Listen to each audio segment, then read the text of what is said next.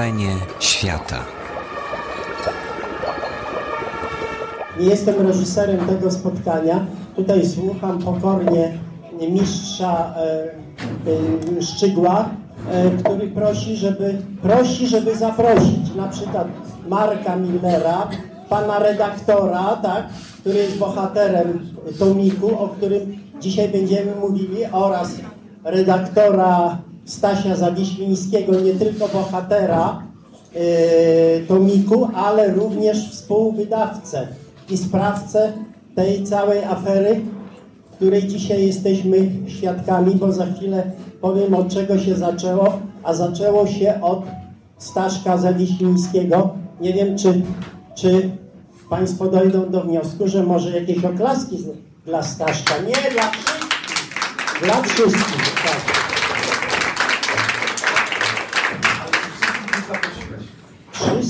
Chyba zaprosiłem, pewnie jeszcze ktoś może dojdzie. Bardzo mi przykro, ale rozumiem Basię Kietkiewicz, yy, bohaterkę yy, Tomiku, ale, ale życzę sobie być pośród yy, przyjaciół najbliższych. Tak. Ale Wiesławie, jesteś pewien, że już nie ma żadnego bohatera książki, tak? Już chyba nie ma, już chyba nie ma. No to może ja tak tylko przywitam oficjalnie, dobrze, może tu, żeby tak nikomu nie zasłaniać. Yy, no bo tu już zaczniemy oczywiście. Dobry wieczór Państwu, bardzo serdecznie witam yy, na wieczorze poświęconym yy, książce Fakt jest święty. No, jak to święty też może mieć fakt swoje wykręty oczywiście. I różnie z tym faktem bywa i każdy na te fakty ma pewnie własny pogląd i bohaterowie rozmów Wiesława Łuki, którzy tutaj są na naszej scenie, dzisiaj mamy odwrócony zupełnie kierunek yy, naszych, naszych działań, zobaczymy, czy tak zostanie na zawsze, yy, opowiedzą o swoim stosunku do faktów. Ja chciałem Państwa przywitać w imieniu Instytutu Reportażu, fundacji, która zajmuje się propagowaniem literatury faktu. Jeszcze chciałem powiedzieć, że nasze projekty robimy przy wsparciu miasta stołecznego Warszawa. Ten projekt właśnie rozmów o literaturze faktu nazywa się Wrzenie Dok i wspiera nas miasto Warszawa, bo widocznie lubi reportaż. I dzisiejszy wieczór poprowadzi Kamil Bałk, a ja go tak wspomogę. No, to tak zróbmy. Dzień dobry, dobry wieczór Państwu. No na razie mikrofon zostawię. A ja jeszcze, jeżeli wolno, Kamilu, jeszcze, jeżeli wolno, chciałem szczególnie serdecznie powitać e, Ignacego Łukę, który jest również współbohaterem tego e, tomiku, ponieważ, ponieważ e, jemu książka została dedykowana. Ignasiu, wstań i, i, i, i się przedstaw, tak, się. I co, będzie reporterem, czy? No właśnie, to ja myślę, że ktoś do niego skieruje to pytanie, a ja, a ja tymczasem powiem po, po, po 1928 raz e, Ignasiu, kocham Cię. E, I to jest wielkie powitanie. E, a teraz, a teraz, a teraz oddaję Tobie głos. Ale to dziadek go szantażuje emocjonalnie. Nie, Że ma zostać reporterem, bo już tu jest książka poświęcona. Nie, ale tego ja nie powiedziałem, że ma zostać. Na razie ma zostać adwokatem, ale, ale, ale to się jeszcze zmieni, bo już chciał być marszałkiem. E, Powiedział, że, że, będzie, że będzie e, wysokim oficerem, ale koniecznie marszałkiem, bo marszałka e, wszyscy słuchają i, i on wydaje komendy, a nie słucha komend. Z tym, że to było bardzo, bardzo dawno temu, tak dawno, że być może, że Ignacy już o tym zapomniał. A co jeszcze było po drodze? Reżyseria, no jakieś takie różne rzeczy. Ale może, może będzie chciał sam dwa słowa e, powiedzieć, ale, Ale nie ja będziemy myślę- go zmuszać. Ale nie, ja myślę, że, zanim ustalimy tę przyszłość, na przykład czy, czy będzie y, reporterem, to moglibyśmy ustalić, czy reportaż na przykład ma w ogóle przyszłość, No. czy y, jak działają dzisiaj media. Wydaje mi się, że o tym może być nasza debata, o tym też jest ta książka, więc y, może niech najpierw się dowie, co ewentualnie tutaj, w co wchodzi. w razie czego. Tak myślę. Nie. E, Czy to jest pytanie do mnie skierowane? Nie, w sumie to jest y, takie zagajenie. Yy, A pytanie, a pytanie jest y, inne. Książka Fakt jest święty, to jest y, owoc pracy no, nie tylko wielomiesięcznej, ale też wieloletniej, bo, bo, bo poruszane są tam różne kwestie na przestrzeni wielu miesięcy i, i, i z, różnych momentów są te rozmowy. Chciałem zapytać, yy, skąd pomysł i yy, czy się zaczęło od pojedynczych rozmów, czy od początku to miała być książka?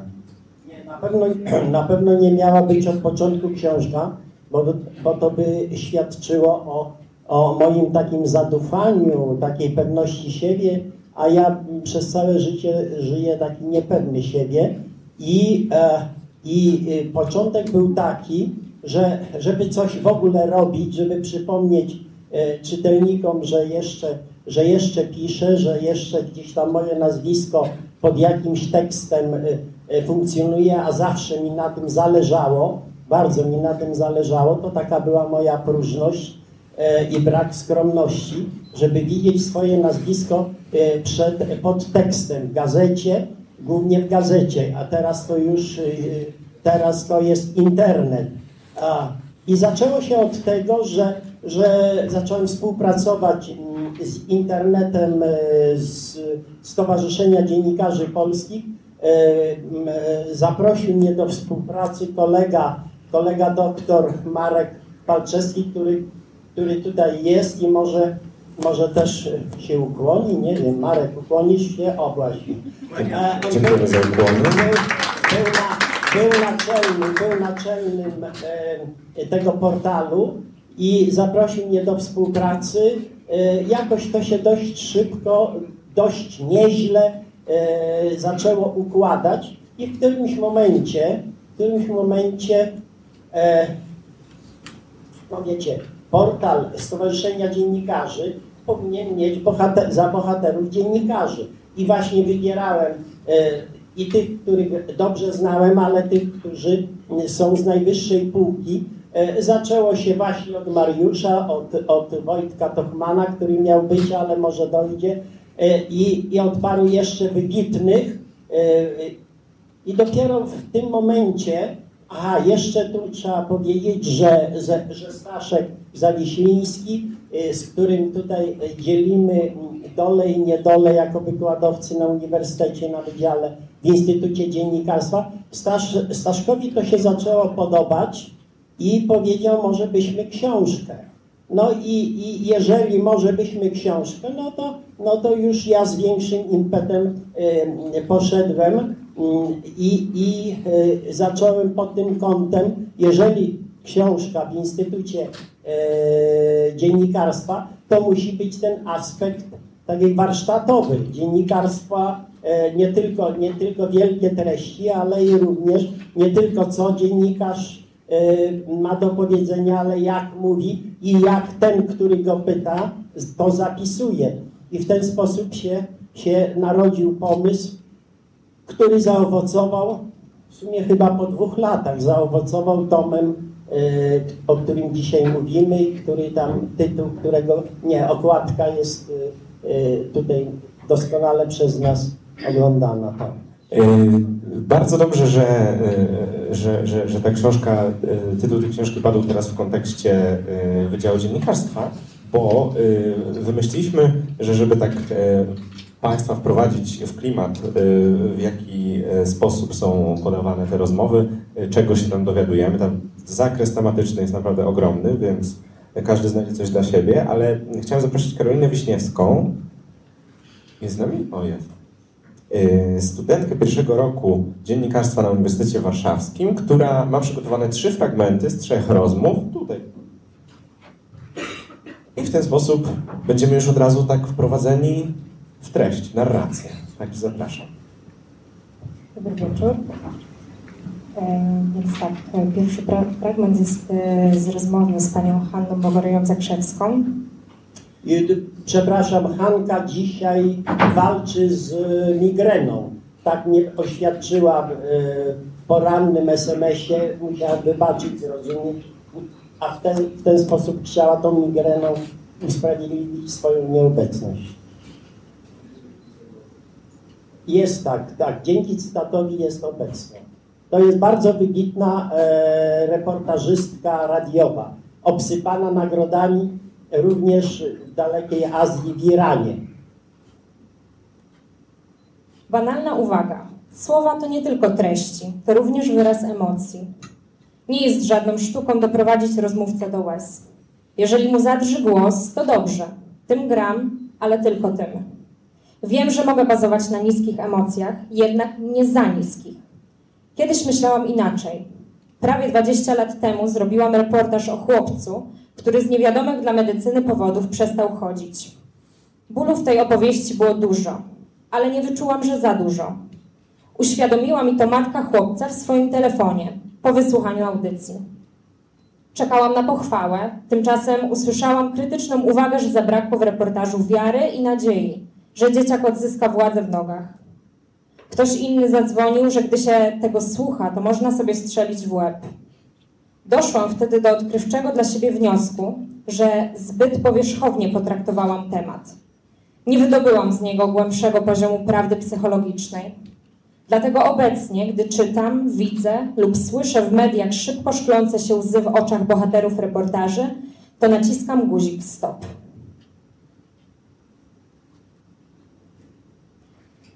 Drugi fragment jest z rozmowy z panem Wojciechem Jagielskim.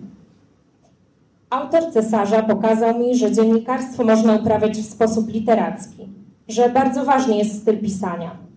W PAP nie uczono stylu. W depeszy najważniejsza jest waga informacji, a nie popisy stylistyczne, zawijasy zdaniowe i udziwnienia językowe. Choć nawet depesze Kapuścińskiego wyróżniały się wyjątkowym spojrzeniem na świat oraz stylem. Jakiś korespondent donosił o narastającym konflikcie między Salwadorem a Hondurasem. Kapuściński też o tym informował, ale niezależnie od tego zauważał i opisywał na przykład scenę rozstrzelania na rynku małego salwadorskiego miasta jakiegoś dezertera z armii.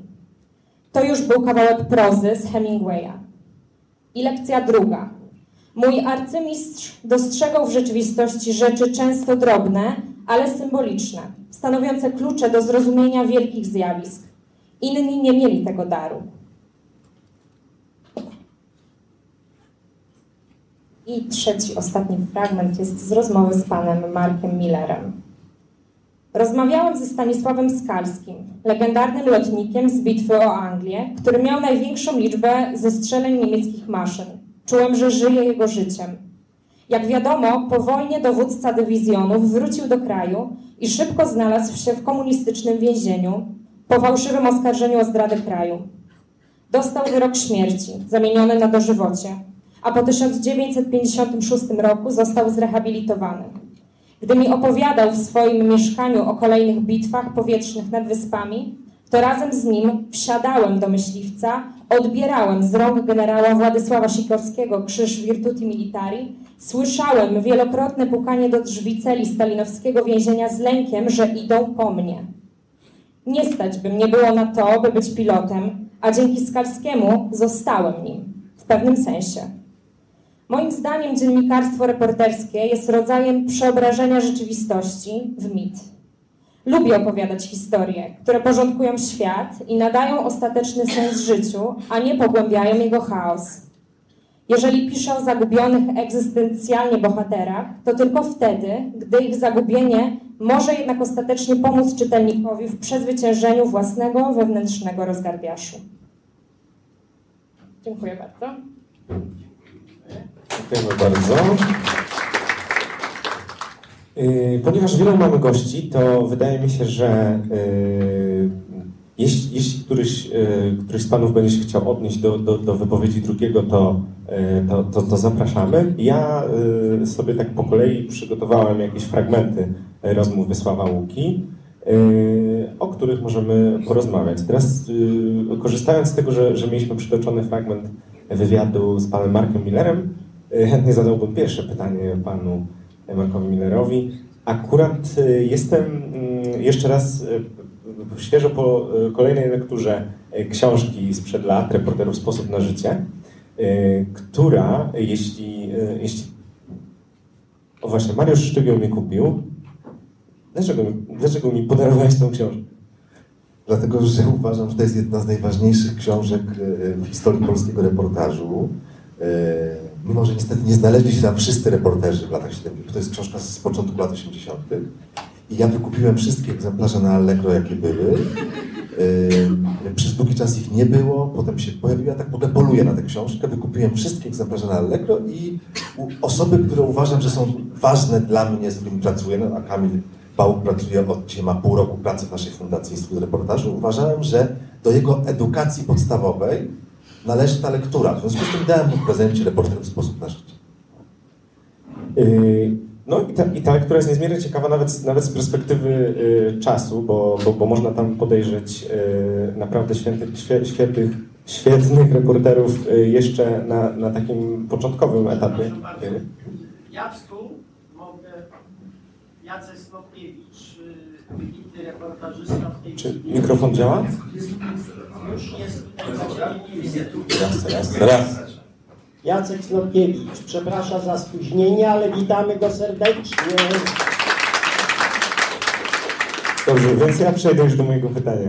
Y, jak wyglądałaby taka y, książka dzisiaj? Co, y, co na pewno było, byłoby inne? I to jest taki trochę wytrych do, do, do tematu, który jest rzeką, ale co, co się zmieniło w tym reportażu i co się zmieniło w sposobach na życie, które mają reporterzy? Kiedy ja pisałem tą książkę, to byłem studentem, no więc to zmieniło się wszystko, bo ja mam 64 lata, co jest straszne. Dzięki tej książce ja byłem tak zafascynowany ludźmi, z którymi rozmawiałem, że po prostu uważałem, że nie ma ciekawszego zawodu niż zawód reportera. Wtedy byłem socjologiem, nie byłem dziennikarzem, nie byłem nawet socjologiem, byłem studentem.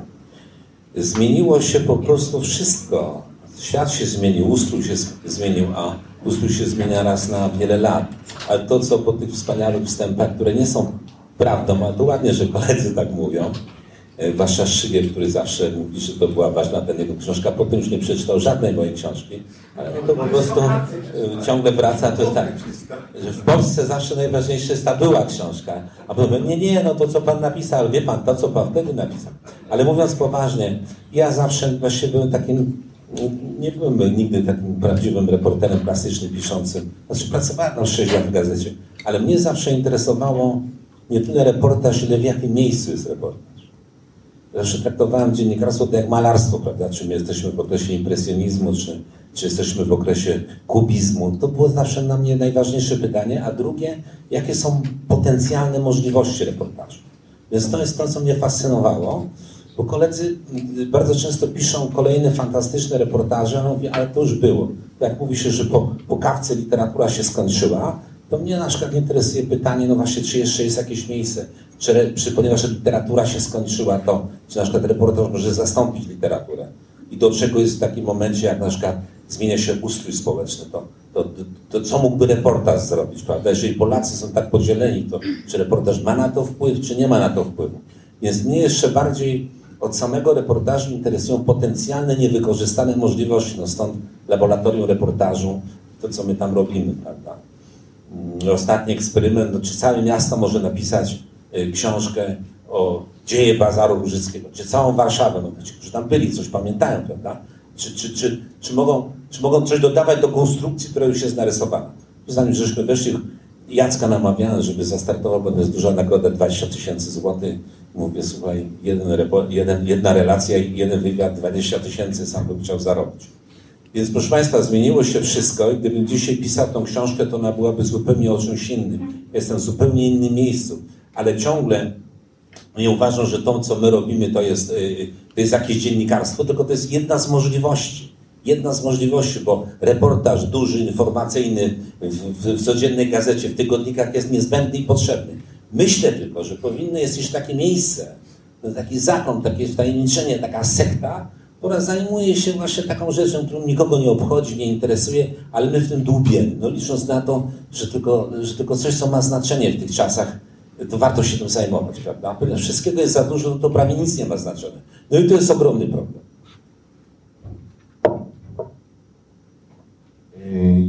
Ja chciałem jeszcze raz y, przywitać pana Jacka Snopkiewicza. Y, i y, spytać o rozmowę z autorem, z Wiesławem Łuką, y, jak ją wspomina i y, jak, jak bardzo dociekliwym i jak zadającym pytania jest autor książki Fakt jest święty. Wieśka zawsze wspominam jako dobrego kolegę. A to może być y, wtedy łatwa rozmowa, albo właśnie najtrudniejsza? Nie, no właśnie miękkość, e, dyplomacja, e, osobowość, pewnego rodzaju nieśmiałość sprawiła, że nasza rozmowa była rozmową niezwykle przyjemną, a wiadomo ze sztuki e, rozmowy, że rozmówca powinien mm, kończyć rozmowę zdany potem. Ale może dlatego, że Wiesiek z, z Wieśkiem znamy się od dawnych czasów, kiedy startował, kiedy de, de, e, debiutował i 74 rok. E, No właśnie, to, e, to kawał czasu i chyląc czoła przed tą książeczką, wydaje mi się, że jednak najlepsze rozmówczynie to drapieżne kobiety. Torańska nigdy by nie napisała mm, onych, gdyby nie była osobą udającą niewinną, nieśmiałą, nic nie wiedzącą dzie, dzie, e, e, dziewczynę. Podobnie można by jeszcze parę nazwisk e, wymienić. Ale dlaczego e, chylę czoła przed e, autorem? Dlatego, że to wszystko, co koledzy robią, co ja próbuję robić w, w telewizji, to zmierza do uratowania reportażu jako gatunku. Jest to być może syzyfowa e, praca, ale ponieważ wierzymy w sens e, takich działań, każda najmniejsza, najmniejszy sukces e, wydaje się czymś bardzo radosnym. W telewizji to wygląda tak, że trzy lata temu założyliśmy program Reporter Polski. Robiono wszystko, ponieważ e, przygrywał z takimi programami jak jeden z dziesięciu, czy e, jakimiś programami ro, rozrywkowymi, a Press Service to jest takie podstawowe źródło informacji o, e, o mediach i o telewizji. Napisał, że reporter polski przygrywa mm, właśnie z, jakimś teleturniejem, co było głęboką e, niesprawiedliwością, ale też e, przebicie się klasycznego reportażu jest bardzo trudne, ponieważ no, wiecie Państwo, jaka jest sytuacja w telewizji polskiej, że słupki są na, na, najważniejsze, ale program udało się mm, utrzymać, powstał Festiwal Sztuki Faktu, próbujemy założyć Stowarzyszenie Reporterów Polskich. Rzecz polega przede wszystkim e, e, na tym, że e, reporterom brakuje przestrzeni w tej chwili i brakuje takiej Przestrzeni przestrzeni twórczości. No, no, poza dużym formatem, no to proszę mi pokazać miejsce, gdzie można było publikować reportaż o normalnej obietności. No po prostu nie ma takiego miejsca. Zostają książki, w telewizji jest on spychany. No i jest e, bardzo ważna w- kwestia, takie elementarne warunki materialne. No, Rozumiem, że robiąc reportaż człowiek poświęca e, się dla idei, no ale jest też pewien poziom e, przychodów, który niestety, mówię w tej chwili o, telewizji, wygląda bardzo, e, bardzo marnie. E, Wielkie zasługi redaktora Szczygła i tego, co, e, e, co robi. Ja wierzę w, w, w dobre miejsce reportażu w, telewizji, niezależnie od tego, co się pisze w związku z konkursem, który będzie e, rozstrzygnięty. Tak czy owak nastąpi powrót do redakcji e, tematycznych i powstanie redakcja reportażu, czyli powstanie e, środowisko otwarte na współpracę z dziennikarzami piszącymi e, radiowymi. Y, Mi ten temat y, przywozinałeś taki, taki fragment y, książki Wiesława jeden z takich moich ulubionych. To jest wywiad z Jackiem Hugo Baderem i wymiana zdań wygląda tak, proszę Państwa. Uprawiasz reportaż, o którym e, mówisz, to gatunek na wymarciu, głównie ukazujący się w medium, czyli w prasie. Na co Jacek Hugbader, ja tak powiedziałem? A to dziwne.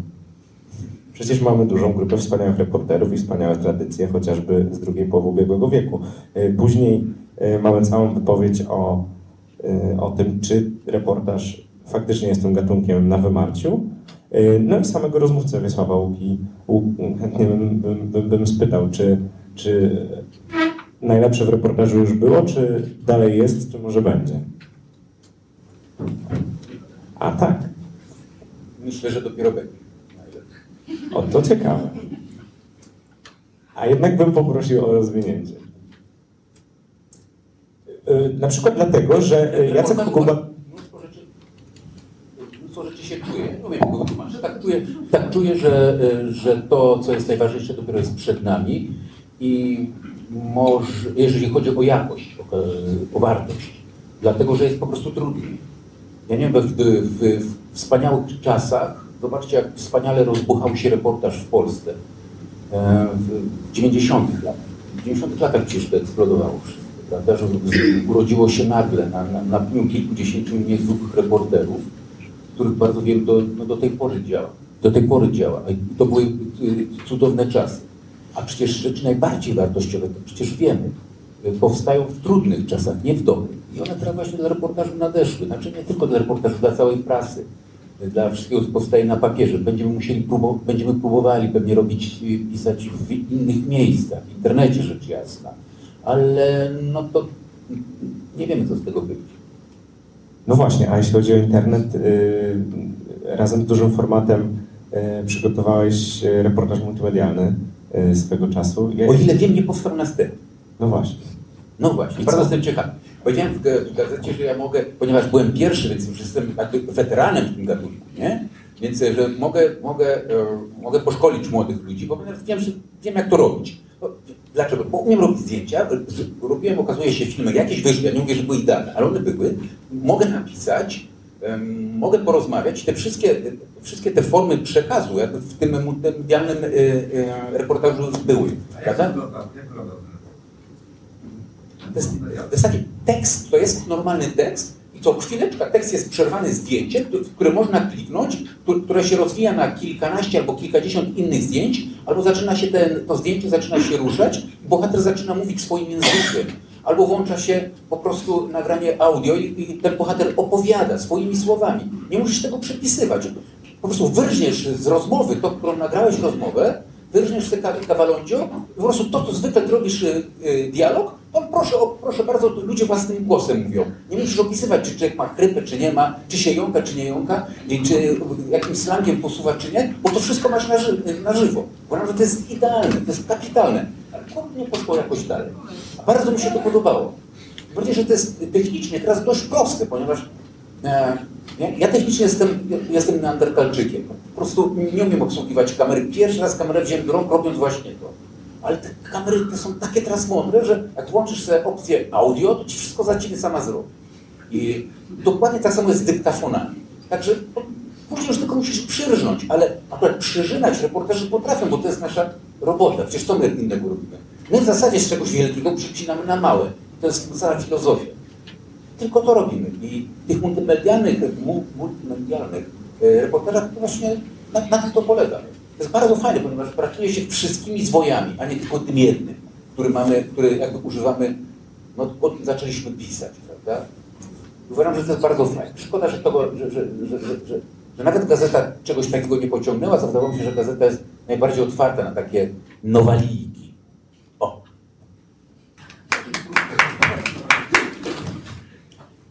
Yy, No dobrze. yy, Mam pytanie do pana Janusza Rolickiego. Yy,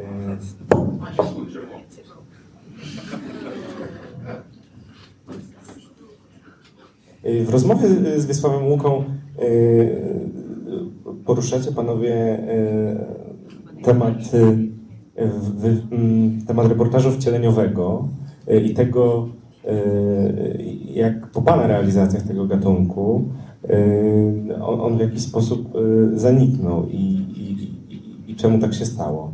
Czy, yy, czy myśli pan, że, że, że, że ta forma dziennikarstwa w dzisiejszych czasach. Tutaj, tutaj słyszymy o, o, o różnych eksperymentach polu na polu reportażu. Czy, czy, czy to dzisiaj również ma przyszłość? Wszystko ma przyszłość, tylko musi być ktoś, kto chce to zrobić. Muszą być, którzy chcą tego słuchać, czy oglądać, czy czytać. Więc y, dlatego ja uważam, że oczywiście to są takie trochę sinusoidy, które powodują, że pewne rzeczy się pojawiają, potem znikają. Ja akurat reportaż przestałem uprawiać lat temu 40 w gruncie rzeczy trochę jestem mastodontem tutaj, tutaj właściwie znalazłem się jak gdyby no z racji na, na jakieś stare zasługi, które już są passe, które, są już nie, nieaktualne, bo po prostu potem robiłem co innego. Ale oczywiście ten gatunek jest y, niezmiernie potrzebny i fascynujący. Z tym, że dzisiejsza technika pozwala wyczyniać takie cuda, że w gruncie rzeczy, no to co mamy, taśmy, te całe, te całe afery taśmowe, film na przykład pokazujący jak, jak była kupo, kupowana Begier do samoobrony, do, do PiSu. To są wszystko reportaże uczestniczące i to, i to chudy, chudy tym, które pisałem do tych reportaży, do tych materiałów. Te materiały się ogląda z wypiekami na twarzy i, i są one fascynujące. Dlatego, dlatego właściwie wszystko jest w ręku dziennikarzy, tylko żeby chcieli.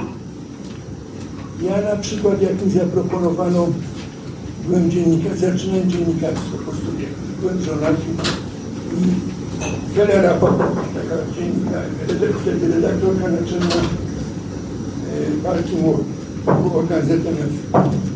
Po moich reportażach Janek Podajwawno w Polsce zaprosiła mnie do siebie i po prostu mnie kupowano. Nie było to takie kupowanie, nie było to takie kupowanie jak dzisiaj Lewandowskiego czy innych, czy innych asocjacji, ale na, na skromny mój, skromnym moim wymiarze to było zabawne, bo zaproponowałem im 2200 zł. Wtedy to było dosyć sporo i bez normy. Natomiast polityce mi dano 900 zł i 900 zł normy, czyli nic mi nie dano. Ale ja byłem ambitnym człowiekiem, pomyślałem, że byłbym idiotą, gdybym nie skorzystał z tej okazji w polityce i po prostu z polityki i w tej polityce siedziałem, pisałem i na tym bardzo dobrze wyszedłem. Dzisiaj, wtedy, w tych zamierzchłych czasach komunistycznych, każde pismo chciało mieć reportaż. Reportaż był wyróżnikiem. Reportaż był lokomotywą, która ciągnęła gazetę. Uważano, zespoły redakcyjne uważały, że bez reportażu nie ma dobrej gazety. To, był, to była przyczyna tego, że po prostu ta, ta polska prasa doczekała się polskiej szkoły reportażu i, po, i pojawiło się tyle wybitnych, wybitnych nazwisk. Ludzi już w większości nie żyjących. Ale dzisiaj, a dzisiaj jest sytuacja odmienna. Reportaży, tak jak już wspominali koledzy, reportaży nie ma gdzie budować. Właśnie jest jedyna oaza, to jest, to jest e, Gazeta Wyborcza, która rzeczywiście stwarza szansę publikowania reportaży. Ale na przykład polityka, w której ja, ja pracowałem przez, przez 7 lat, dlatego, że pracowałem 7 lat. W tym okresie się zajmowałem reportażem, przez 15 lat. I wtedy te gazety chciały tego, ten reportaż mieć. I, za ten reportaż płacano. Jak ja, jak ja byłem świniopasem w pierwszej klasy, bo taki reportaż opisywałem, opisywałem jak transport świn, gdzie byłem takim poganiaczem. To dostałem za ten reportaż 1500 zł. To było dla mnie bardzo dużo i dla mnie nie wystarczyło. Dzisiaj ludzie chcą więcej, ale, ale generalnie, generalnie no nie wyobrażam sobie, żeby, żeby te duże gazety, te tygodniki, gdzie były ostoją reportaży, polityka, wprost, ten newsweek cały, to żeby te gazety brały reporterów, ciągnęły reporterów i stworzyły im szansę.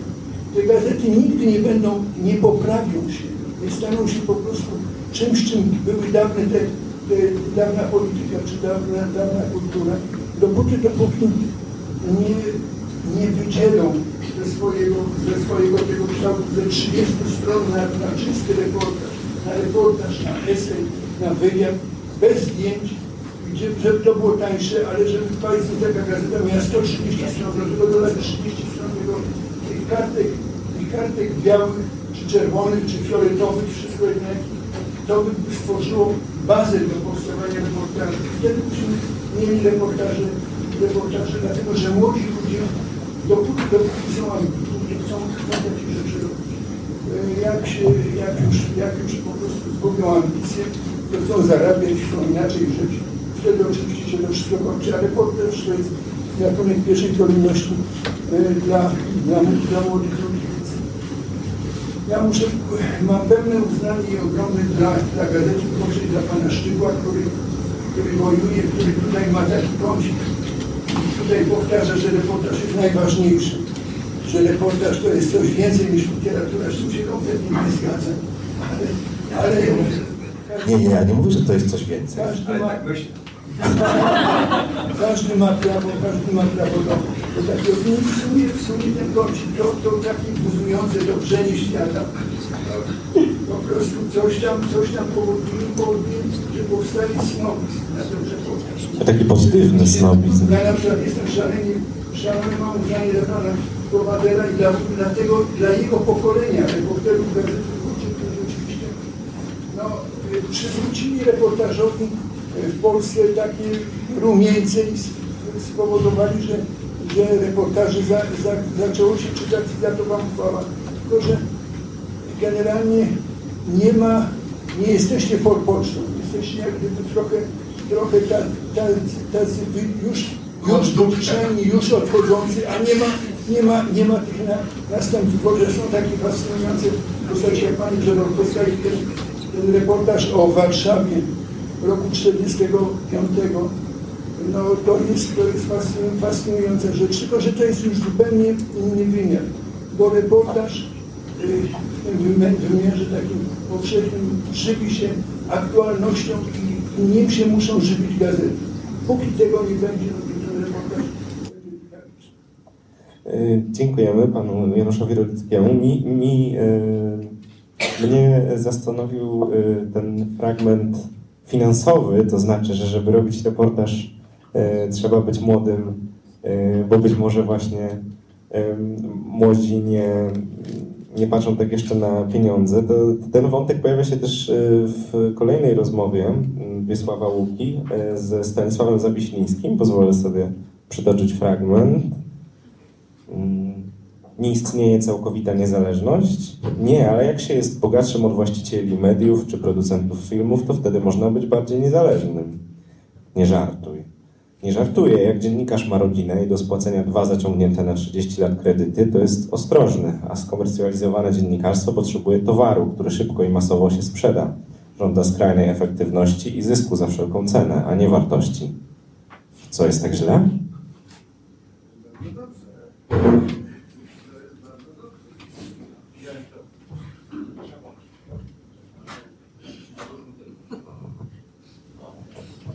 Teraz, tak?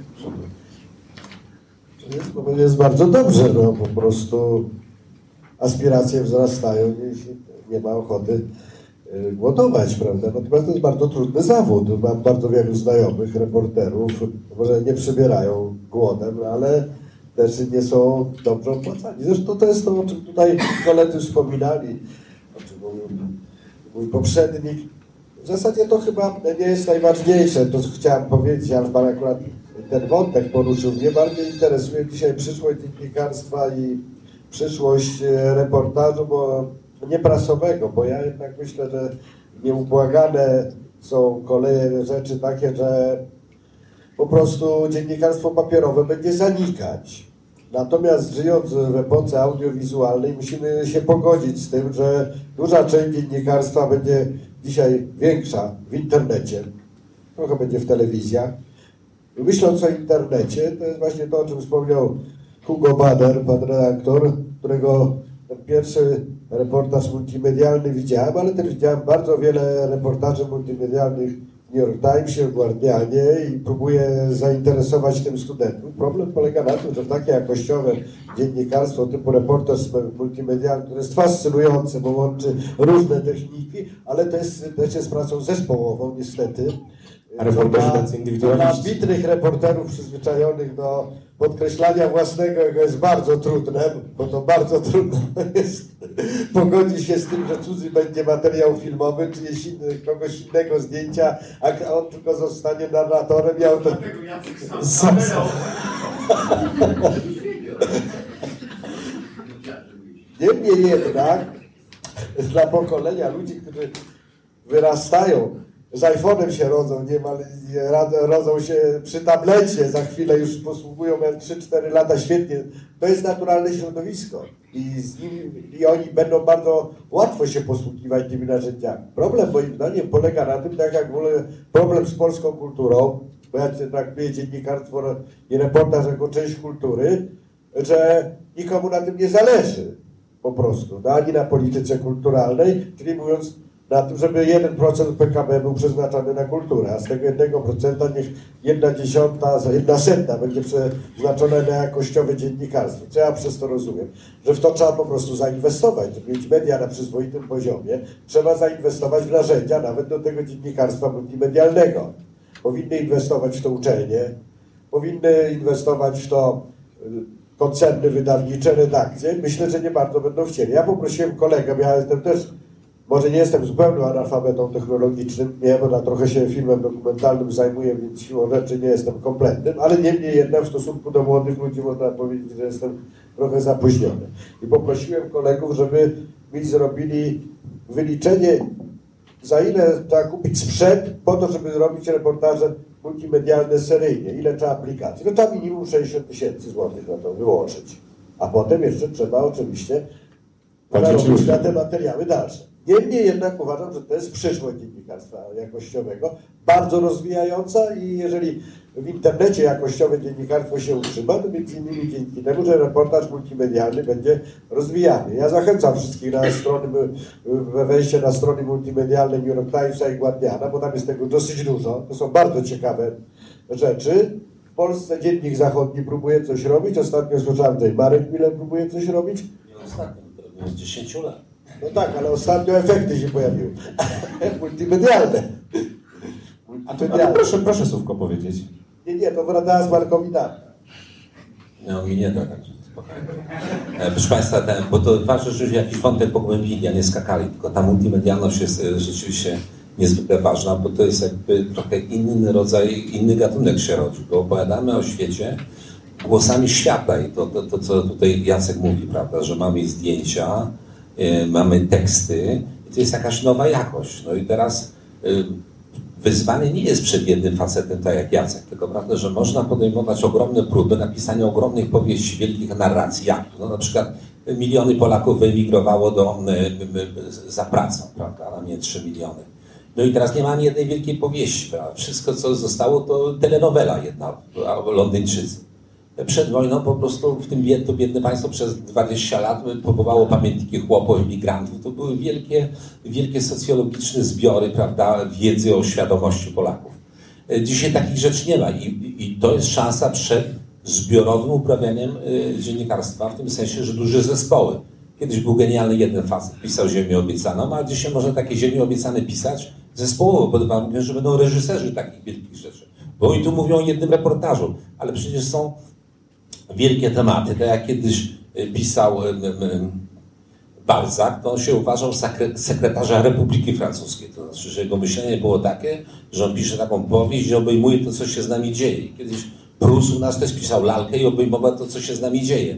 Ale dzisiaj żaden z pisarzy nawet nie próbuje zastartować do takich tematów. Natomiast do tych tematów może startować no właśnie taka zbiorowa reżyseria takiej powieści. I to tak jak Jacek w stowarzyszeniu zbierze taki zespół, tak ten zespół postanowi, żeby się czymś zająć, tak Hałasiński przed wojną mówił, trzeba się zająć tam e, pamiętnikami emigrantów czy, czy, czy czymś innym, to oni się zajmowali. Czyli taki temat ważny może wypłynąć z jakiegoś gremium, prawda? I jak znajdzie reżysera, to to można robić, co kiedyś robiła wielka literatura. Bo nie mówimy jednej rzeczy, która jest moim zdaniem podstawowa w tej dyskusji. Znaczy, po co ten reportaż robić? Po co się o niego upominać? Tak naprawdę. No bo wiadomo, że my zawsze będziemy uważać, że to ważne, bo my z tego żyjemy. Ale czy jest jakiś argument obiektywny? Widzę go w jednej bardzo ważnej rzeczy. A mianowicie jest to jedyny gatunek dziennikarski, który może spojrzeć na życie jako na całość. Jako na całość, nie po kawałeczku rozdrobnionych, tylko na całość. Tak jak literatura patrzyła. Na całość, tak? Jedyny gatunek, który może, może uprawiać coś takiego jak antropologia sytuacji. No teraz jest pytanie, czy koncerny mogą za tym stanąć, bo one mają swoje interesy i zysk. Ale na pewno dziennikarstwo na poziomie uniwersytetów powinno się o coś takiego ująć. I druga rzecz, która nas e, tutaj różni, bo to uważam, że warto by skorzystać z okazji, bo takich jest mało, żeby, żeby sformułować pewne różnice, jakie są.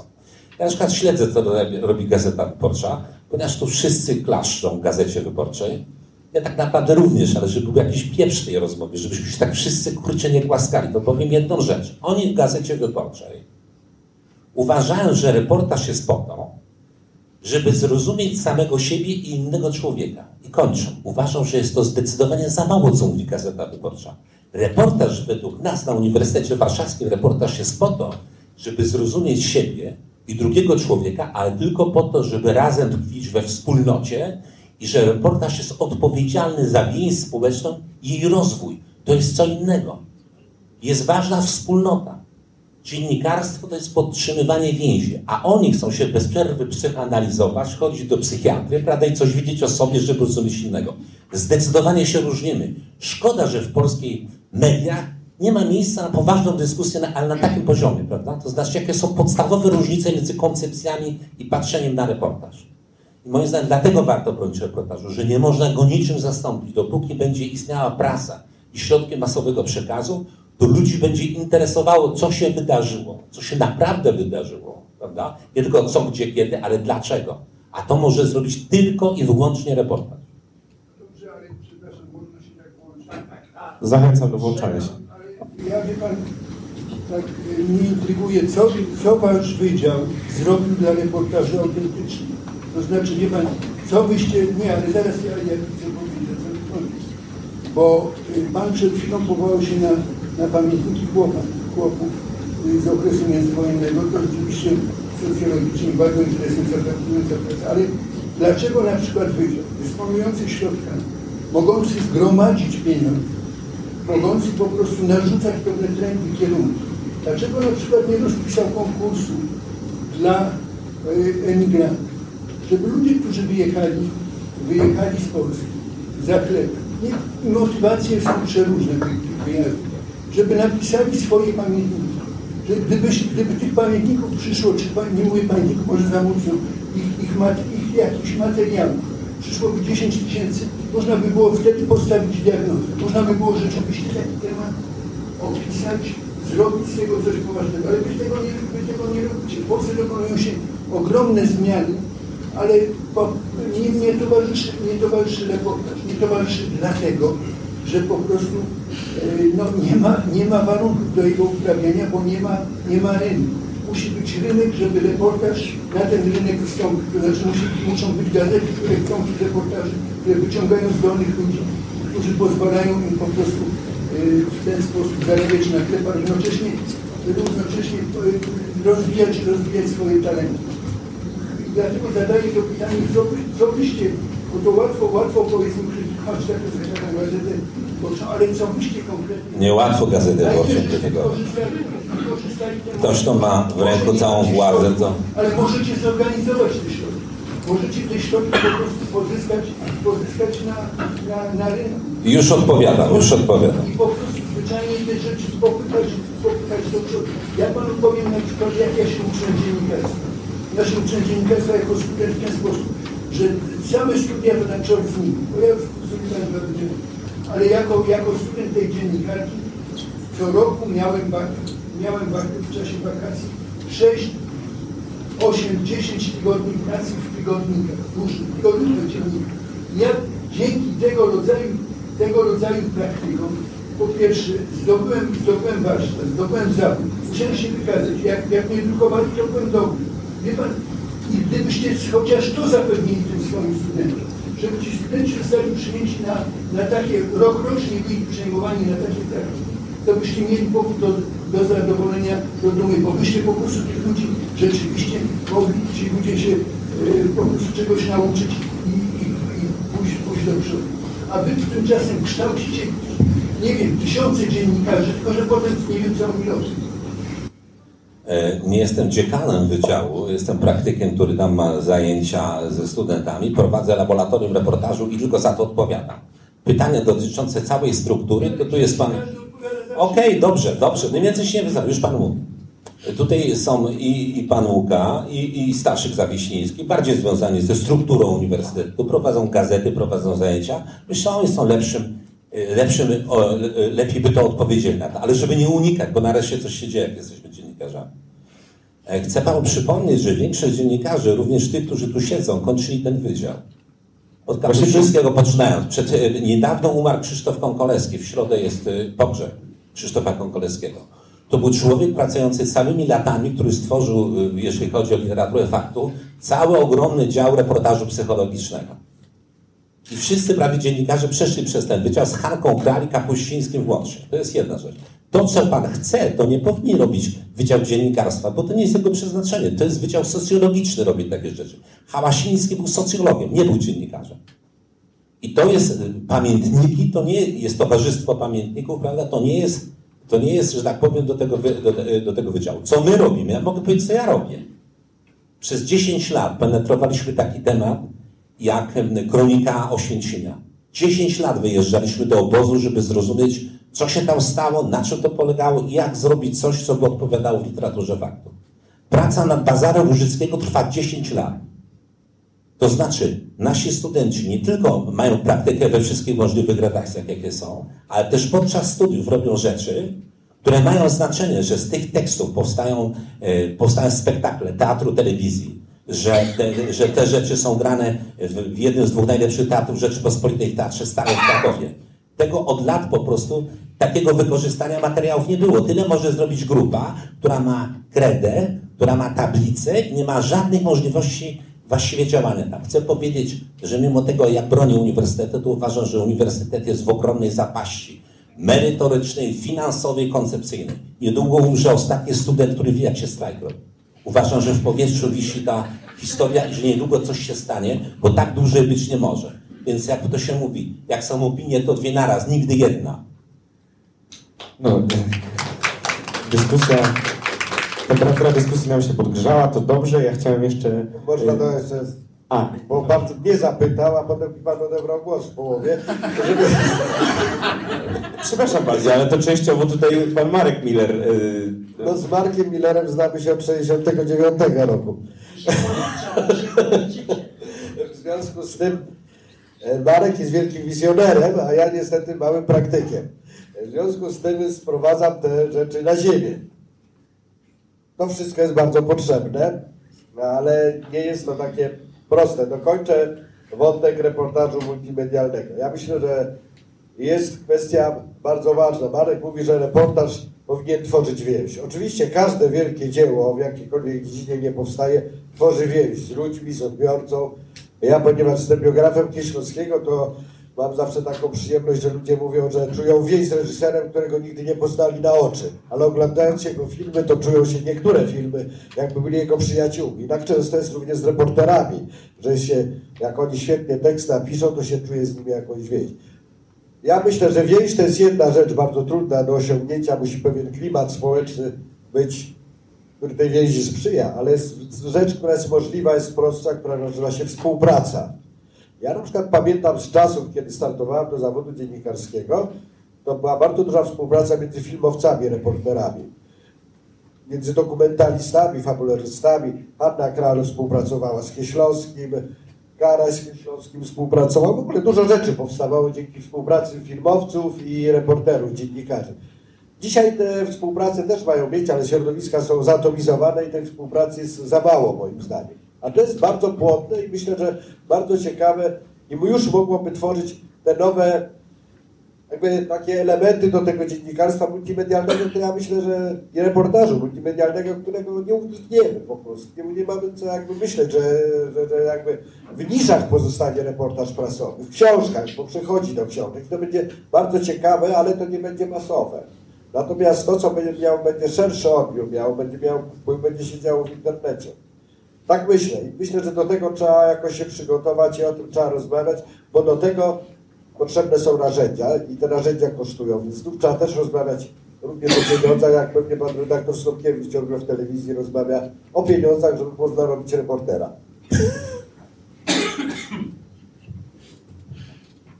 Dziękuję. Ja bym jeszcze chciał y, wywołać y, pana Konrada Piaseckiego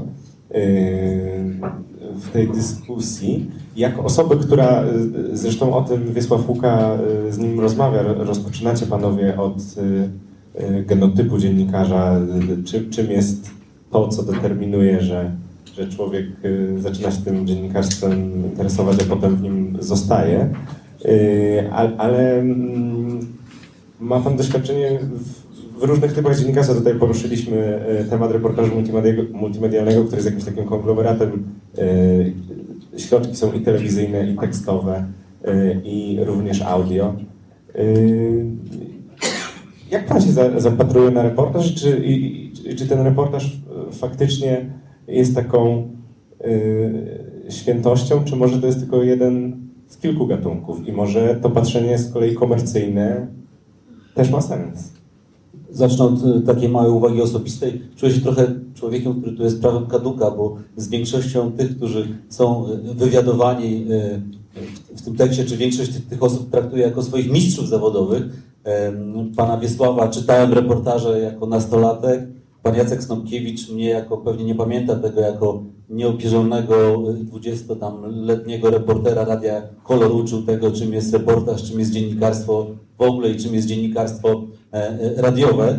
Także, mm, także mam poczucie też tego, że ja nigdy nie byłem reportażystą i nie mogę o sobie mówić i myśleć o sobie jako reportażyście. Po prostu nigdy nie uprawiałem tego gatunku dziennikarskiego. Wchodziłem na ten rynek jako człowiek, y, o czym tutaj mówię, ogarnięty pasją polityczną i tej pasji politycznej, ale z punktu widzenia reportera, człowieka, który przeprowadza wywiady, dzisiaj pisze o polityce i, i życiu publicznym, y, publicystycznie bardziej uprawiam ten, ten zawód, ale jako ten człowiek już tego nowego, mam nadzieję, że tutaj siedzący obok mnie nie obrażą się jednak tego pokolenia, no, które weszło już w rzeczywistość po 89 roku i tylko taką rzeczywistość, jeśli chodzi o uprawianie tego zawodu, oglądają. Mam też poczucie, że nie jest aż tak strasznie, jak tutaj w te dzwony e, alarmowe e, wszyscy biją. To znaczy, przyglądając się choćby TVN-owi 24, który zaczynał się jako telewizja gadających głów, sporów politycznych, im ostrzejszych, y, przepraszam też czasami im głupszych,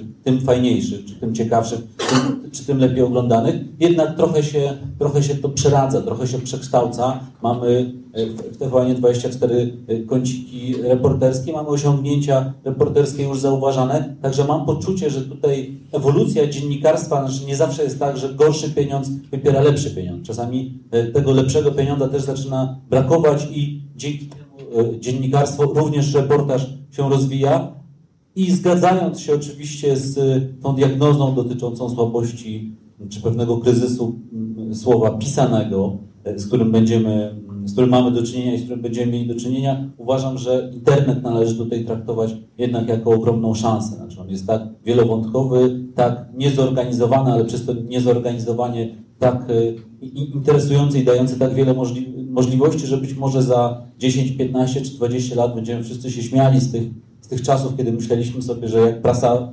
pisana umrze, to już umrze reportaż i umrze prawdziwe dziennikarstwo. Nie, być może przeżywamy dzisiaj jakiś dołek po to, żeby się za parę czy paręnaście lat y, odrodzić.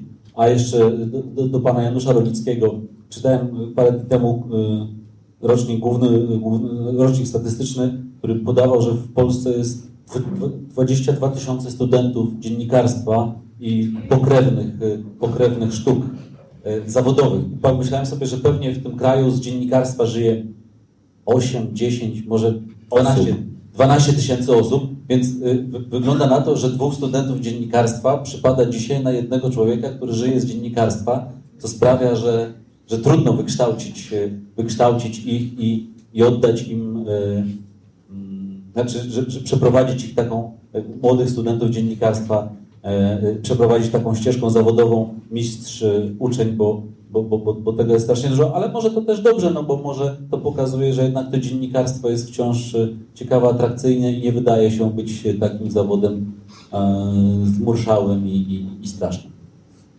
E, chciałem spytać, czy może... Można być też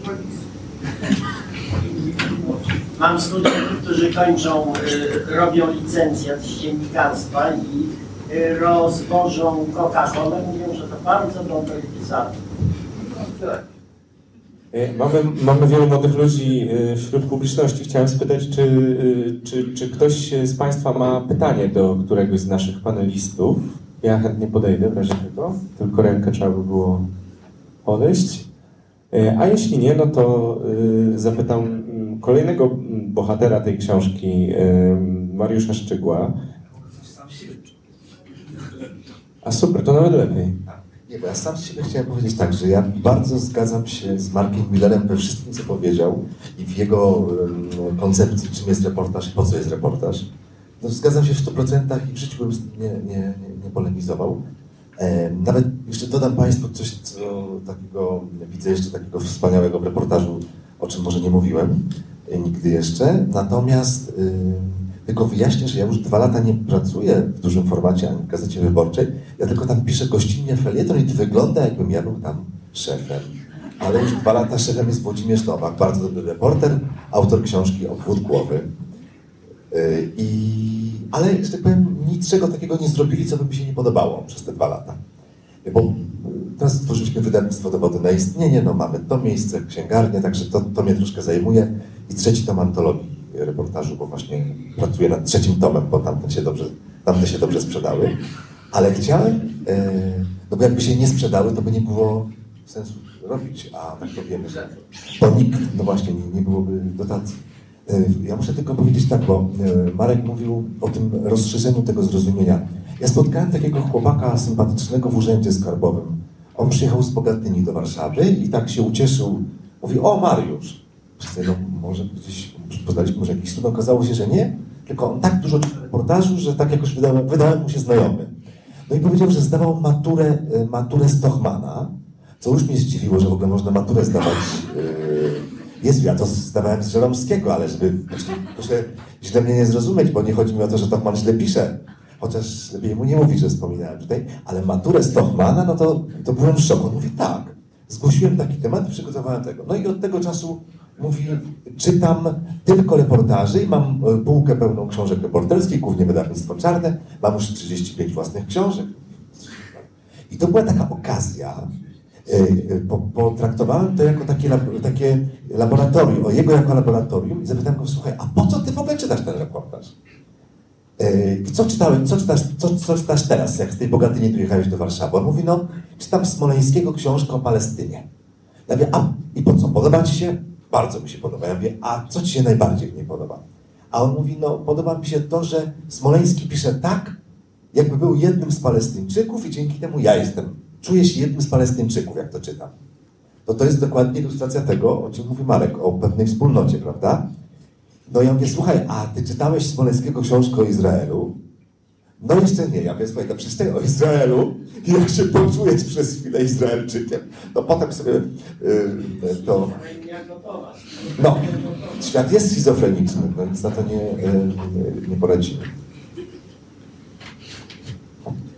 Ja myślę, że nic nie... Przepraszam, Pani. No właśnie. Do tej pory nie mówiliśmy o etyce dziennikarskiej. Jest tutaj z nami dziennikarka,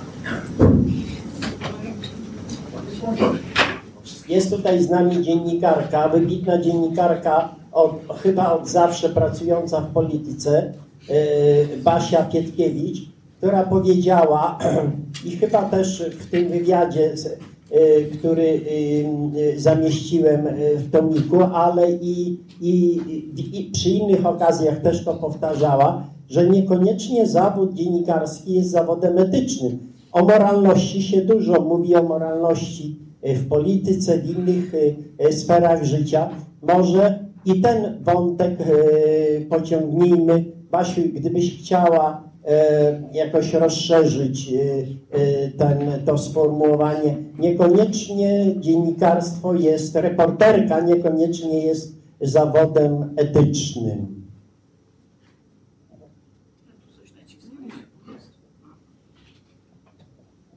No nie jest. To jest trochę zawód, moim zdaniem, kuglarski i żeby trafić do rozmówcy, z którego chcemy wyczerpać, wyciągnąć to, co nam jest potrzebne, no tak to w gruncie rzeczy wygląda. No to jest, trzeba użyć różnych e, sztuczek. Mnie nigdy nikt, ja głównie pracuję w domach prywatnych, chodzę do ludzi, do ich mieszkań. Ja nie umiem rozmawiać w kawiarni ani do, w miejscu pracy, wyłącznie w mieszkaniu. Nikt mnie nie, nigdy nie wypędził żadnego domu, bo to jest rodzaj intuicji, może nie wiem, co to jest, ale stoisz przed człowiekiem jakiś instynkt podpowiada ci, co trzeba powiedzieć, żeby nie wypędził. E, ja pamiętam takie zdarzenie.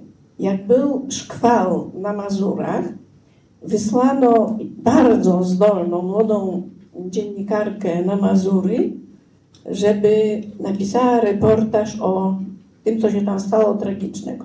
Ona wróciła i przywiozła tekst o tym, jak żeglować na Mazurach. Więc ja mówię, a dla, dlaczego napisałaś o tej tragedii, która się tam stała? Ona mówi, no tak, stoję na brzegu. Na brzegu stoi matka, a u jej stóp czarny worek z klerykiem. To był jej jedyny syn, kleryk. Ja miałam do niej podejść? Ja mówię, no pewno, że trzeba było podejść właśnie wtedy. Kiedy indziej by cię wypędziła, ale w, tej moment, w tym momencie nie. A co ja miałam jej powiedzieć? No właśnie, to jest coś takiego w umyśle reportera, co się nagle zjawia, jakby jakaś taka fala. No to są sztuczki, trochę sztuczki takie zawodowe. Później oczywiście można się z tym człowiekiem, moim głównym zadaniem, jak ja rozmawiam z, z matką, która której syn się powiesił, to moim głównym zadaniem jest, czasem rozmawiam dwie godziny, czasem trzy, a potrzebowałabym godzinę. Zdjąć z niej ciężar winy. I wtedy już nie, to nie jest już kuglarstwo, tylko to jest głęboki związek, choć krótki z tą osobą, bo ona później ginie, ona mnie już nie interesuje. E, e, ja nigdy nie umiem wracać do tego, co już napisałam. Ale przez tą godzinę to ja jestem jej koleżanką, przyjaciółką, terapeutką. Ona musi zapomnieć, że jestem dziennikarzem. E, I więc to jest mieszanina, mieszanina właśnie takich sztuczek zawodowych i intuicji, yy, wszystkiego po trochu. I niestety, no, ja nigdy nie zapomnę, jak kiedyś po, było jeszcze w polityce, y, Hanka Kral y, poszła zrobić y, tekst, o, który ja miałam zrobić, jak musiałam wyjechać za granicę. I mówię, Hania, to są grafomanki te panie. To był tekst o kobietach z takiej organizacji Liga Kobiet. Tylko słuchaj, to są grafomanki, one ci będą opowiadały o swoich aborcjach. Oszczędź je. Wracam z tej zagranicy, biorę tekst, grafomanki i aborcja jest. Więc to jest trochę, oczywiście, ja się z Anki, u Anki się uczyłam pisać, ja ją podglądałam, chodziłam za nią jak pies, patrzyłam jak siedzi, jak się uśmiecha, jak, jak, jak, jak podnosi rękę, jak mówi. E, więc przez to wszystko jest to czy ostatnim moim tekście, tekstem o dwóch dziewczynach, które się otruły, ja, żeby go napisać, musiałam porozmawiać z siostrą tych dziewczyn. Użyłam rozmaitych forteli, żeby ona się zgodziła na tą rozmowę. To nie jest etyczne, ale ja musiałam po prostu z nią porozmawiać. Ja myślę, że etyczne jest to, że człowiek nie szkodzi rozmówcy. Natomiast wszystkie środki, które prowadzą do tego, żeby ten tekst powsta, powstał, no, to jest taka mieszanina, mówię, sztuczek, podchodów, nama, nam, nam, namawiania. I w tym sensie ja parę, e, kil, kil, co najmniej dwóm, trzem osobom, o których pisałam, bardzo zaszkodziłam, nie chcąc, na początku, kiedy jeszcze byłam zielona, nie chcąc tego, nawet jednego człowieka doprowadziłam do śmierci. E, oczywiście też nie, nie chcąc tego. No więc mam, ale mówię, to nie jest, to jest zawód, w którym potrzeba bezwzględności i, i, i, i trochę tupetu. To nie jest romantyczny zawód, pochylamy się nad rozmówcą, nie. I, i, i, i to chciałam powiedzieć, tyle. Dziękujemy e, bardzo. Czy w międzyczasie się jakieś urodziły pytania tutaj na publiczność? O.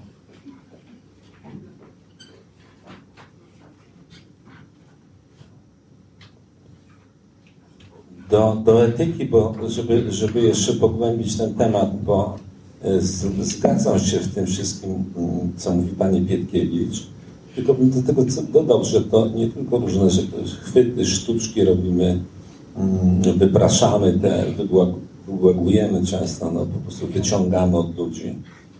E, ale myślę, że do tego mówienia o etyce konieczne jest jeszcze jedno, jedno słowo, światopogląd. Bo bez tego mówienia o etyce jest po prostu gdzieś ucieczką od rzeczywistego tematu. E, myślę, że są e, zawody dwuznaczne z natury policjanta. Żeby dzielnicowy miał po prostu informacje, to musi mieć informatorów, a najczęściej szantażuje no, wiemy wszyscy o policji, prawda? Podobnie polityka. Nie ma nic bardziej rakotwórczego niż polityka. W związku z czym politycy powinni być szczególnie pilnowani, bo to nawet nie jest ich wina. No, po prostu taka jest natura tego, co robią. Więc im bardziej jakieś coś jest straszne, to powinno być bardziej pilnowane. W czasie II wojny światowej była taka, był taki, taka grupa, która dokonywała wyroków śmierci w domu na, na konfidenta. No, łatwo jest strzelić do człowieka z, z, z tysiąca metrów, ale wejść do człowieka, do prostytutki, do mieszkania i z odległości 6 metrów strzelić jej w głowę, to nie jest łatwo. Tak, prawda? Ale oni mieli tam na okrągło te kapelanów, oni się na okrągło modlili. Strzelali i się modlili. Dlatego uważam, że na każdym komisariacie policji powinna wisieć co najmniej jedna maska boska, częstochowska i stać kapliczka. To samo w dziennikarstwie. Dziennikarze oczywiście uciekają od tego. Wszystko jest o chwytach, tylko nie o tym, co jest najważniejsze, bo przecież za etyką stoi światopogląd. To nie jest tak, że ktoś używa tych kwitów nie wiadomo skąd. Używa dlatego, że tak myśli o świecie. I o tych światopoglądach za mało rozmawiamy w tym środowisku. Po prostu, a taka rozmowa jest bardzo potrzebna. Po prostu. Bardzo potrzebna. No już nie chcę, ponieważ ja jestem praktykujący katolik, żeby to było jasne, to po prostu yy, Jan Paweł II był dziennikarzem, o czym często zapominamy, wszyscy go tam kochali, ale mało chcemy się uczyć od tego, od tego człowieka świętego.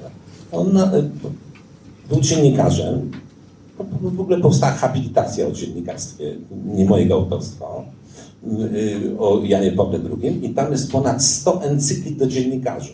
Ponad 100 razy papież występował mówiąc o pewnej wizji dziennikarstwa. To nie jest nakłanianie prawda, do Ewangelii tylko i to jest fantastyczny materiał. Ale dlaczego o tym mówię? Bo brakuje nam konsensusu, prawda, że pół Polski chce, że tak powiem, wyprowadzić drugą połowę Polski, co jest jakąś paranoją. Rzeczą, która może nas połączyć, która wynika gdzieś e, po prostu z tego dziennikarstwa Jana Pawła II i Tischnera, jest sumienie.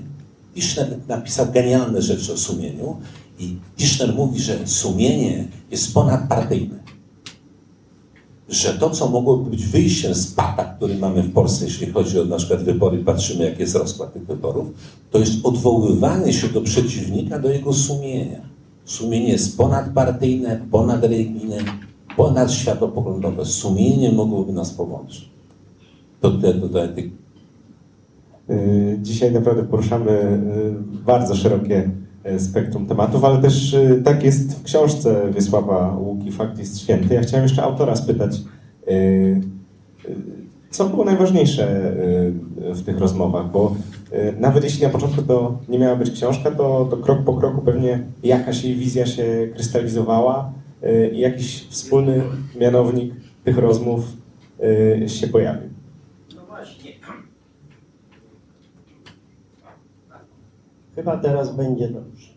E, powiedziałem e, na wstępie, najpierw były wywiady, poszczególne wywiady e, ukazywały się w, e, na portalu Stowarzyszenia Dziennikarzy, były czytane, Staszkowi się podobały, a Staszek, e, wiem, miał możliwość prawda, wydania, bo już parę książek jako wydawca zrealizował, więc pogadaliśmy sobie i, i powiedział, że tak, że to nie jest, nie jest takie złe.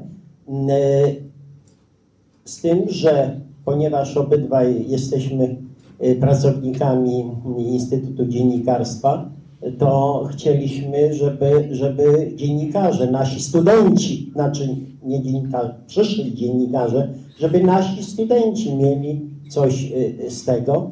Dlatego. e, Coś, czyli wiedzę. Tak? Słucham? Wiedzę. No, wiedzę, umiejętność, nie tylko wiedzę, ale umiejętność, e, umiejętność gadania z ludźmi, jak przyszłymi bohaterami e, reportaży albo, albo bohaterami wywiadów. Zarówno w jednym gatunku, jak i w drugim mamy, mamy do czynienia e, do, z, z ludźmi, ścisłe kontakty, umiejętność otwierania ich. E, I, i dlatego, dlatego mm, zacząłem e, już z myślą o przyszłej książce kompletować, dobierać rozmówców, żeby wszystkie media zaistniały, żeby wszystkie, wszystkie że tak powiem, pokolenia, stąd, stąd e, przypomniałem sobie e, świetnego tutaj obecnego pana Janusza, również niedawno zmarłego mm, e, Giełżyńskiego, Y, to jest to pokolenie najstarsze, prawda? Y, I tak to się, tak to się, tak to się uskładało. Pamiętam, e, pamiętam podczas rozmowy z Markiem Millerem, e, e, dużo po- poświęciliśmy e, Kapuścińskiemu. Kapuściński bardzo ciekawą myśl e, w jednym z wywiadów wyraził.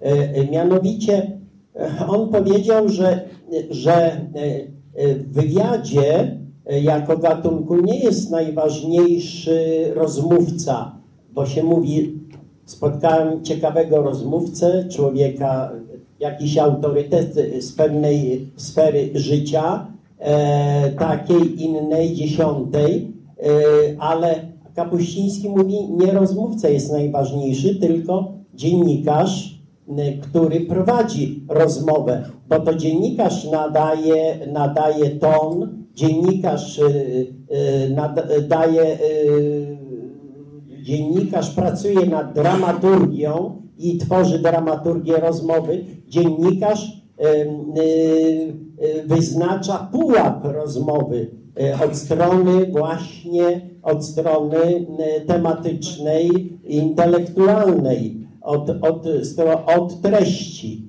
Em, starałem się jednak pogodzić te dwie, te dwie, obydwie strony. No, starałem się być y, nie taki głupi, przygotowywałem się do, y, do każdej rozmowy, uczyłem się swoich przyszłych rozmówców, czytając to, co już, co już y, y, napisali, albo to y, y, wywiady, które już y, y, udzielili, wywiadów, które już udzieliły, udzielili.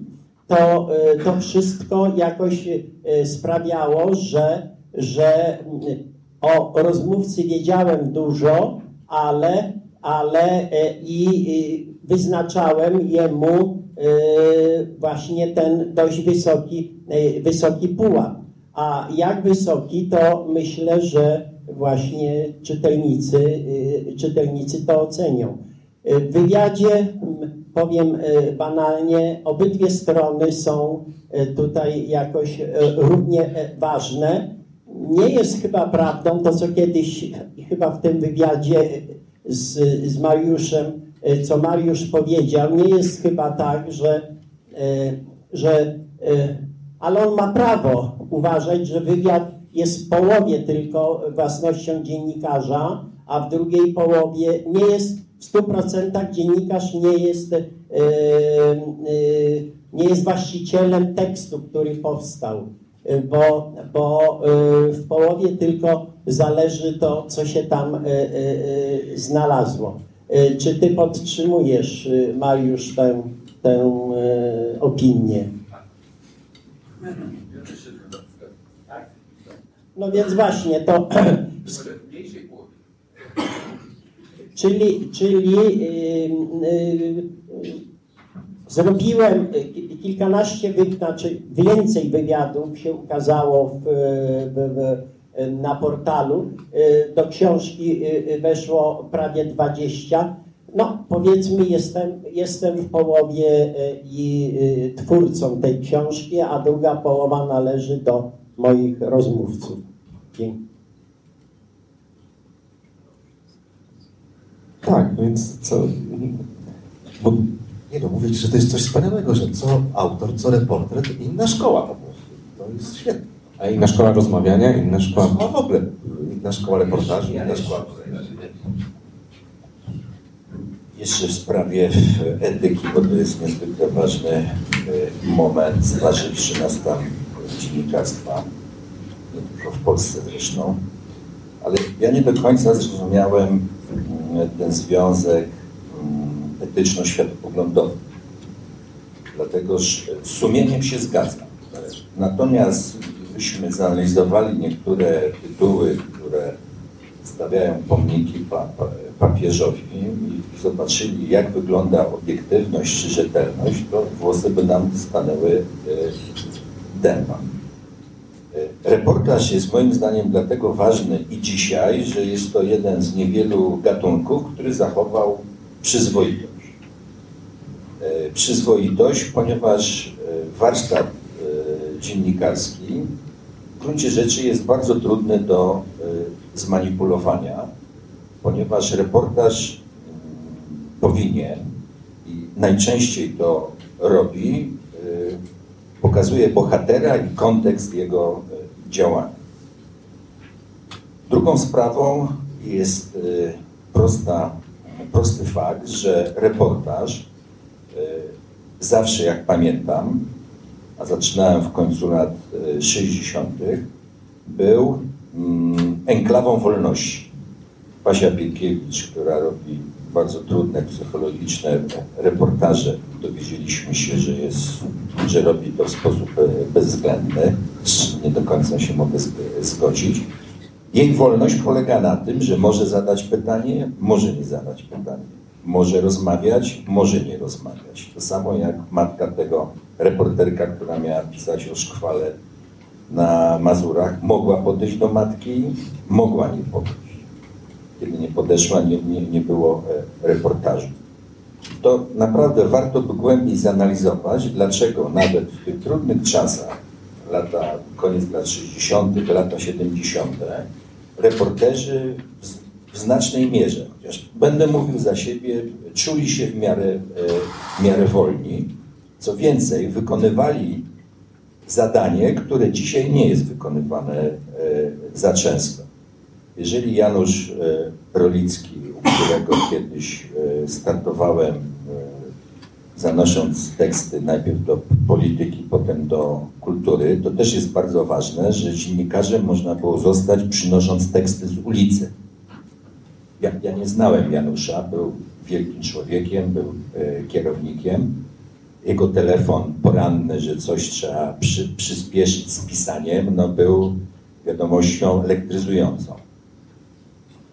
E, I w tamtych czasach pamiętam, e, że Rolicki odkrywał zjawiska, które były nieznane, słynny jego reportaż o kitowcach. Po raz pierwszy napisał o kitowcach, o pewnej podkulturze młodzieżowej, co e, zupełnie łamało taki propagandowy obraz problemów młodzieżowych. Jeżeli dzisiaj zadamy pytanie, co reportaż odkrywa, E, a będę mówił o reportażu te, e, telewizyjnym, no to dochodzę do wniosku, że traci swoje wielkie szanse, bo reportaż telewizyjny, jakby najbardziej e, przekonywujący, e, najbardziej e, nośny, nie odkrył tego problemu, który pokazały wybory. Co więcej, nie widziałem reportażu o Kukizie, który jest bohaterem ostatnich, ostatnich tygodni.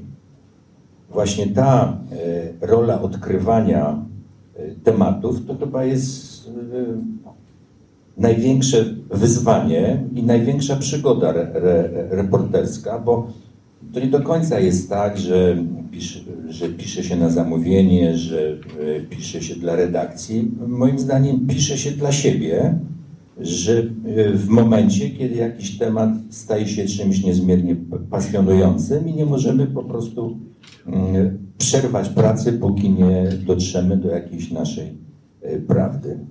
I ostatnia uwaga dotycząca reportażu multimedialnego.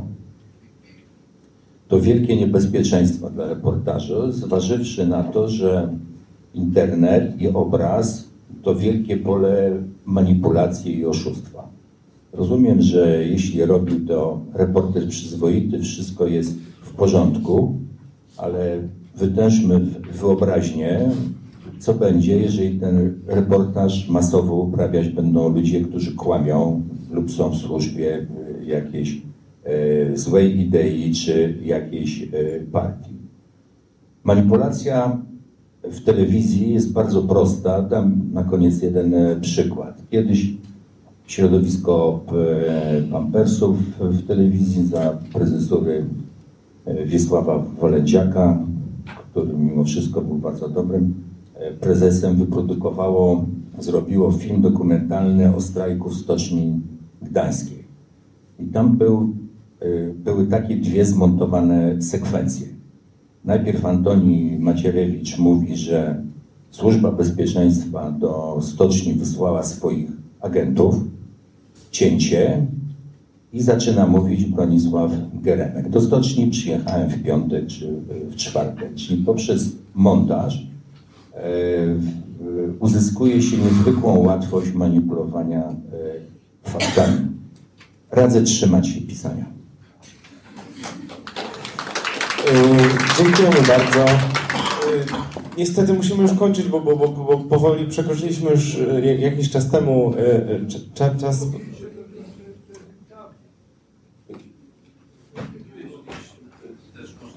Niestety, niestety nie, nie, nie mamy już czasu tych, tych, tych tematów, no nie wiem, chyba, że dwa zdania, bo niestety... Państwo przyjęło się opinia, jak czytelników nie ma ogromną wolność, po prostu nie ma cenzury. Bo nie ma głównego urzędu cenzury jest, jest bardzo prawo. Ja muszę powiedzieć, że jako reporter miałem, miałem taki przypadek, zatrzymano mi książkę jeszcze, jeszcze w, w CSP. Że zatrzymano mi reportaż, naczelny mi mówił, będziesz miał bardzo dobry czytelnik, ale tylko pięciu cały mój reportaż o Westerplatczykach poszedł tak zwany biały karty. Białe karty były pięciu egzemplarzach, te najważniejsze. To było kilka rodzajów białych kartek, a tam była dla premiera z takiej rzeczy, Ale równocześnie czasach obecnych, niedawno minionych, słusznie, ja zrobiłem dwa filmy dla telewizji polskiej. Znaczy były to reportaże klasyczne, które polegały na rozmowie. Jeden był o bardziej wielku, drugi o, o szydach. Oba teksty zostały bardzo dobrą, dobrze zostały ocenione, etc., etc. Dostał producent, dostał pieniądze. Do dzisiaj nie zostały wyemitowane. Ale spotkałem się z praktyką po prostu tak sukcesyjską, że to wręcz woła Polsce do kompletnie że stowarzyszenie. Wyobraźcie sobie Państwo, że te moje reportaże, które nie były nigdy emitowane, ja ich nie mogę wynieść z telewizji, bo one są własnością.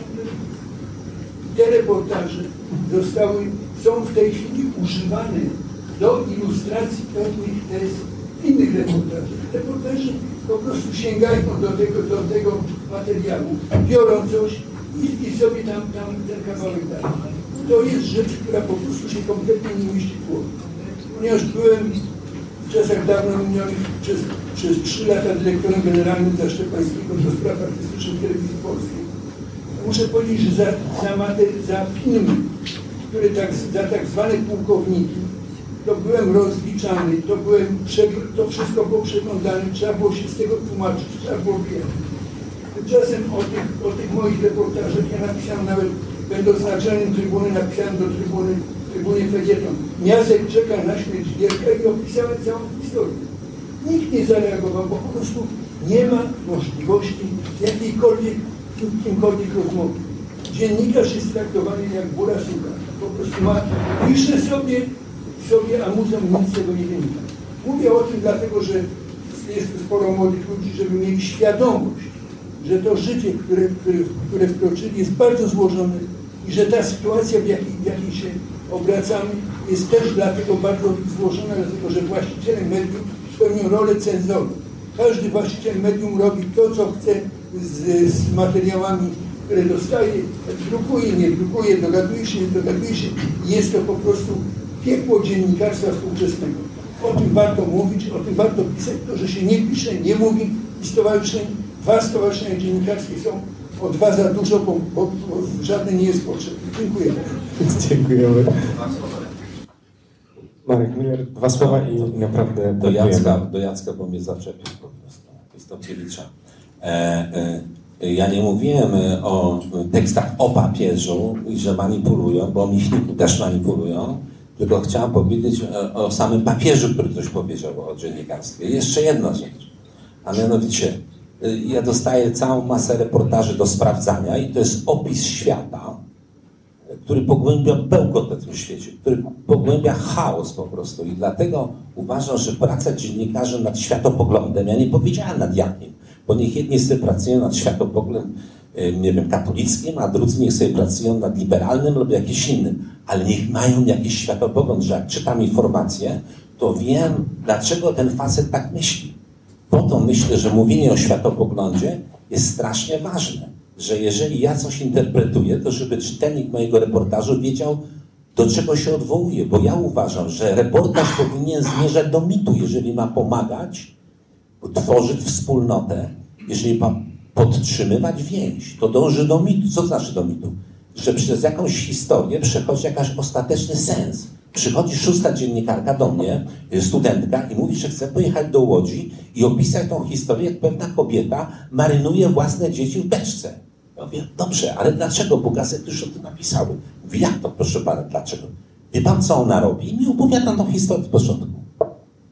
Dlatego światopogląd jest tak ważny, tak? I trzeba o tym oficjalnie mówić. Ja nie chcę mówić, żebyśmy mówili o moim światopoglądzie, tylko żeby to było jasno powiedziane. Ani w szkołach, ani nigdzie się o tym nie mówi. I staje się to właśnie przedmiotem manipulacji. Mówią to nas dziennikarze i nie wiadomo mimo kogo, ponieważ nie służą one społeczeństwu, tylko wysługują się koncernom politycznym, poszczególnym grupom społecznym, łącznie z mafią. Tak? I to jest zaraza i choroba naszego zawodu. Dziękujemy bardzo. Y, Wiesław Łuka, fakt jest święty. Poruszyliśmy y, no, dziesiątki wręcz tematów. Y, Nasi paneliści dali jakiś taki przedsmak tego, co z tych rozmów możemy wyczytać. Dzisiaj tam na końcu książka Wiesława Łuki jest do kupienia w promocyjnej cenie. Jest też druga książka z wydawnictwa Dowody na istnienie. Jest? Y, nie- Tak, i książka Nie oświadczam się.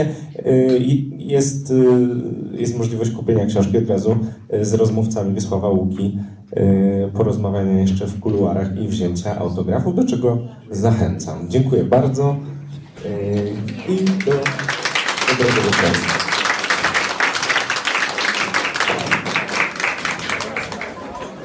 Fundacja Instytut Reportażu zaprasza do swojej księgarni z literaturą faktu i kawą Wrzenie Świata na ulicy Gałczyńskiego 7 w Warszawie. Wejście przez bramy Nowy Świat 48 i Nowy Świat 52.